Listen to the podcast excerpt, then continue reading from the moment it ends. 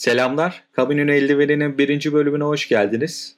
Programın ilk bölümünü sezonu iki kupayla tamamlayan Beşiktaş'ta başarının mimarı olan Sergen Yalçın'a ayırmak istedim.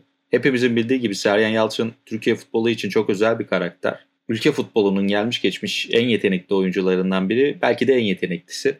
Ama Sergen'i özel kılanın sadece yeteneği olmadığını hepimiz biliyoruz. O bizim hamasetle beslenen futbol kültüründen çıkmış nadir maverick karakterlerden biri. Bu da onu zaten futbolu seven birçok insan için başka bir yere koyuyor. Çünkü tek bir fabrikadan çıkmış gibi aynı şeyleri tekrarlayan o kadar yönetici, teknik direktör, futbolcu var ki gerçekten farklı davranan ve başkasının kendi hakkında ne dediğini umursamayan bir karakter çıktığında karşımıza otomatikman onu farklı bir yerde konumlandırıyoruz. Sergen Yalçın'ı tanımlayan şey de tam olarak bu farklılık. Kendine güveni tam ama asla ukala biri değil.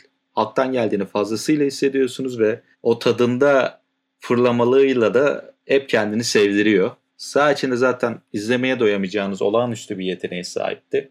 E, bu iki kombinasyon birleşince inanılmaz keyif veren bir karakter çıkıyor ortaya. Yalnızca spor için geçerli değil tabii bu durum. Sergen Yalçın gibi karakterler hayatın hangi alanında karşımıza çıkarsa çıksın sevilir. Daha doğrusu seviliyor.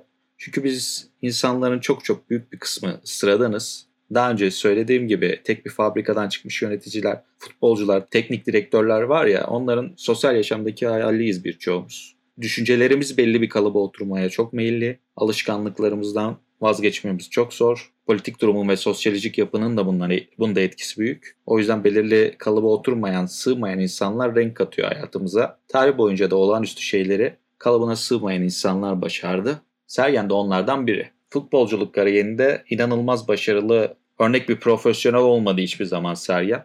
Ama ne yapmak istiyorsa onu yaptı. Doğru veya yanlış. Onları artık zaten çok tartışmaya gerek yok. Sonuçta sefasını da cefasını da kendi çekti. Biz şimdi gelelim antrenörlük kariyerine onun.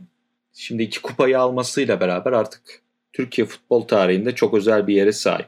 Yani o Maverick'liğin yanına bayağı sağlam da bir temel attı ve Beşiktaş tarihinde hem kupayı hem de ligi aynı sezonda kazanan 3. antrenör oldu. Bunu daha önce başarabilen sadece iki isim var ve tarih kitapları da bolca bahsediyor onlardan aslında. Gordon Milne ve Mustafa Denizli bu iki isim. İsimlerin büyüklüğüne bakınca Sergen Yalçın'ın ne kadar önemli bir başarıyı imza attığını da idrak ediyorsunuz. Başarıyı bence özel kılansa bunun gerçekten o farklı dediğimiz kalıbına sığmayan birinin başarması. Sergen Yalçın bu iki kupayı kazandığı süreçte özellikle demeçleriyle rakip takım taraftarlarına antipatik görünmüş olabilir. Ama Sergen bizim bildiğimiz Sergen. Yani yine Antalya Spor maçı sonrası yaptığı açıklamayı gördünüz mü bilmiyorum. Ee, şey diyor. Bu stres kolay çekilecek bir stres değil. Biz ilk defa bunu yaşıyoruz. Stresin hayatımızdan aldığı çok fazla biraz kafayı dinlemek lazım.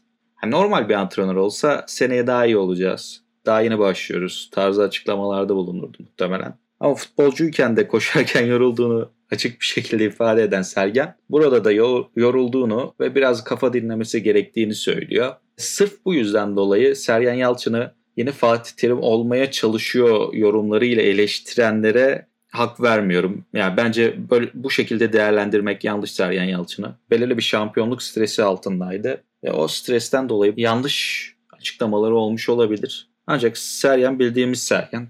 Yani bir PR ajansının sunduğu bir karakteri izlemiyoruz onu izlerken.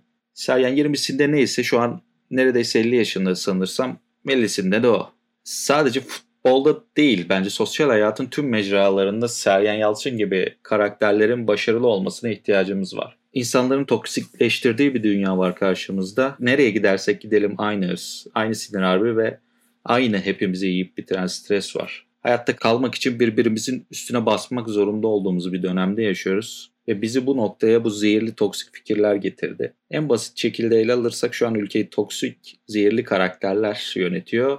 Ve durumumuz ortada. Sedat Pekerler, Alaaddin Çakıcılar, Süleyman Soylular, Mehmet Ağarlar son dönemdeki gündemi görmüşsünüzdür mutlaka. Yani öyle bir karanlığın içindeyiz ki önümüzü görecek ışığı bir türlü bulamıyoruz. Ve büyük bir çoğunluğumuz bu karanlığa adapte olmak durumunda kalıyor. Çünkü bir şekilde hayatta kalmamız lazım. Ve boğazına kadar karanlığın içinde olan bu ülkede şu an için geçer akçe o toksikliğin içinde yolunu bulmaya çalışmak. Neyse e, konu çok dağıldı. Anlatmak istediğimizden de fazla uzaklaşmayalım.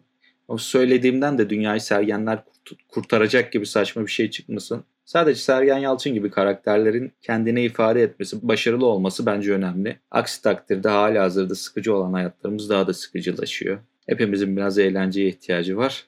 Ayrıca umarım Sergen bu stresten bunalıp istifa etmez. Onu da biraz rahat bırakalım, dinlensin ve yeni sezona hazırlansın diyelim ve programın yavaş yavaş kapatalım. Hoşçakalın. Bir dahaki programa görüşmek üzere.